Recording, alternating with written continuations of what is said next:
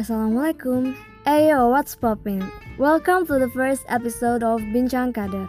Jadi buat kalian yang belum tahu, Bincang Kader adalah podcast yang dibuat oleh IPM Sidoarjo buat nemenin kalian di waktu luang.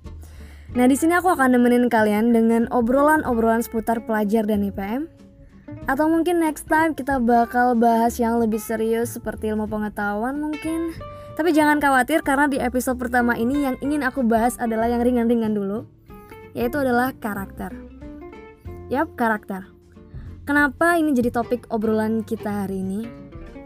Well, semalam aku ngerenungin topik apa yang sekiranya cocok buat diobrolin di episode pertama ini. And guess what? I find nothing. Ya kalian tahu sendiri lah, ketika di kondisi seperti ini, di tengah pandemi seperti ini, tugas numpuk, tugas kuliah, tugas sekolah di mana-mana, pasti yang ada malah buntu kan. Tapi untungnya semalam aku kebetulan lagi chat sama temanku di PM dan kita ngobrol banyak banget. Akhirnya ketemulah sebuah topik. Kenapa sih dengan IPM sekarang ini? Kenapa IPM sekarang beda banget nggak kayak dulu? Nah, jadi jangan cemas, jangan khawatir karena I can relate to what you feel. Karena menurut aku hal itu wajar banget terjadi. Bisa jadi karena kamu bosen, sehingga kamu akan merasa nggak sesemangat dulu ketika awal ber-IPM. Kamu ngerasa bosen, kamu nggak pengen ngelakuin apa-apa, proker mangkrak, bahkan ikut kajian aja males. Kalau ada kader yang ngaku dia nggak pernah bosen di IPM, I bet it's cliche. Ya walaupun mungkin banget sih itu terjadi karena sebetulnya IPM kan nyenengin banget. Nah tapi kok aku masih ngerasa bosen aja ya? Pertanyaan itu bakalan terjawab di episode kali ini, jadi jangan ke mana-mana, stay tune. Oke, jadi ada apa sih dengan karakter? Aku bakal jelasin ke kamu relevansi antara adanya karakter dengan pertanyaan yang selama ini ada di benak kamu. Kenapa IPM gak kayak dulu lagi? At first, sebetulnya itu bukan IPM-nya. Itu adalah kamu sendiri yang sedang mengalami perubahan.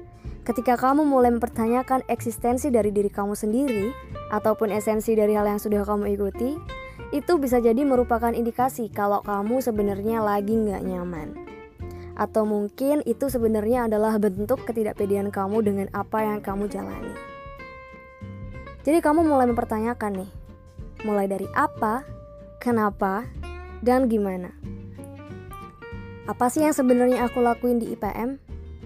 Kenapa sekarang rasanya nggak nyaman berada di IPM? Gimana sih sebenarnya IPM? Nah guys, I'm gonna tell you, ketika itu sudah mulai muncul di kepala kamu, kamu harusnya senang. Kenapa? Karena itu adalah pertanda kalau kamu akan menjadi kader yang sesungguhnya. Lah emangnya selama ini kader jadi-jadian? Bisa jadi loh, jadi apa sih sebenarnya esensi menjadi seorang kader? Well, kamu mungkin bahkan baru tersentil ketika dengerin podcast ini. Kamu akan mulai bertanya, iya juga ya, kenapa aku berkader? Dan gimana sih kader yang sesungguhnya itu? Kamu akan menyadari bahwa sebenarnya yang kamu lakukan selama ini di IPM, ya udah, cuma ikut-ikutan aja, sampai akhirnya kamu menemukan bahwa itu nggak tepat. Dan kamu akan terdorong untuk mencari jati diri kamu sendiri kamu akan terdorong untuk keluar dari zona nyaman dan mulai mencari pijakan untuk diri kamu sendiri. Karena kalau di IPM cuma jadi pengikut, ya kamu nggak akan pernah menjadi seseorang yang hebat. Emangnya harus jadi orang hebat di IPM? Ya iya dong, itulah kenapa alasannya kalian menjadi kader, menjadi sosok yang diteladani di kalangan pelajar. Kalau kamu nggak punya karakter, ya nggak ada bedanya dengan siswa biasa. IPM itu lebih dari pelajar, menjadi kader IPM itu istimewa.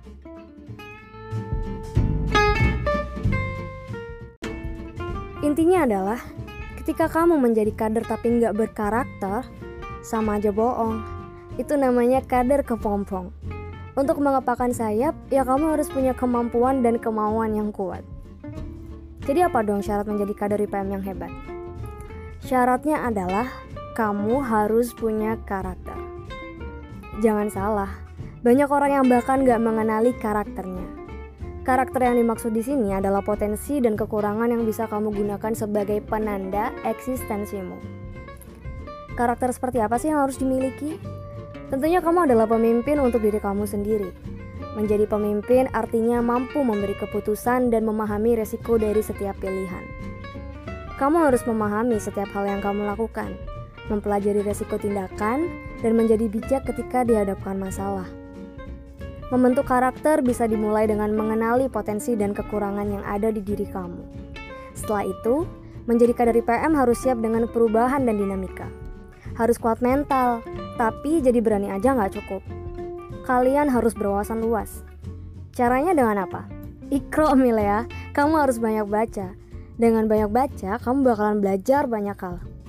Bahkan belajar ngomong di depan banyak orang pun udah ada tipsnya dalam buku. Self development itu sangat perlu loh. Kamu bisa belajar banyak dengan kawan-kawan bahkan kakak-kakak IPM yang lain. Ingat, bertanya adalah sekecil-kecilnya perlawanan manusia terhadap kebodohan. Jadi kalau nggak mau tanya artinya Ya, kalian jawab sendiri aja deh.